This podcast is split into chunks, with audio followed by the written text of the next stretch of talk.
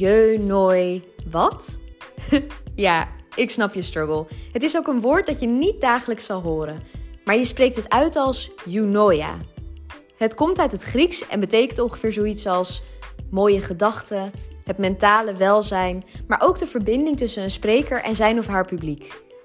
Ik ben Nikita en in de Junoia podcast bespreek ik verhalen en ervaringen op het gebied van persoonlijke ontwikkeling, werk, cultuur en tja, het leven in het algemeen.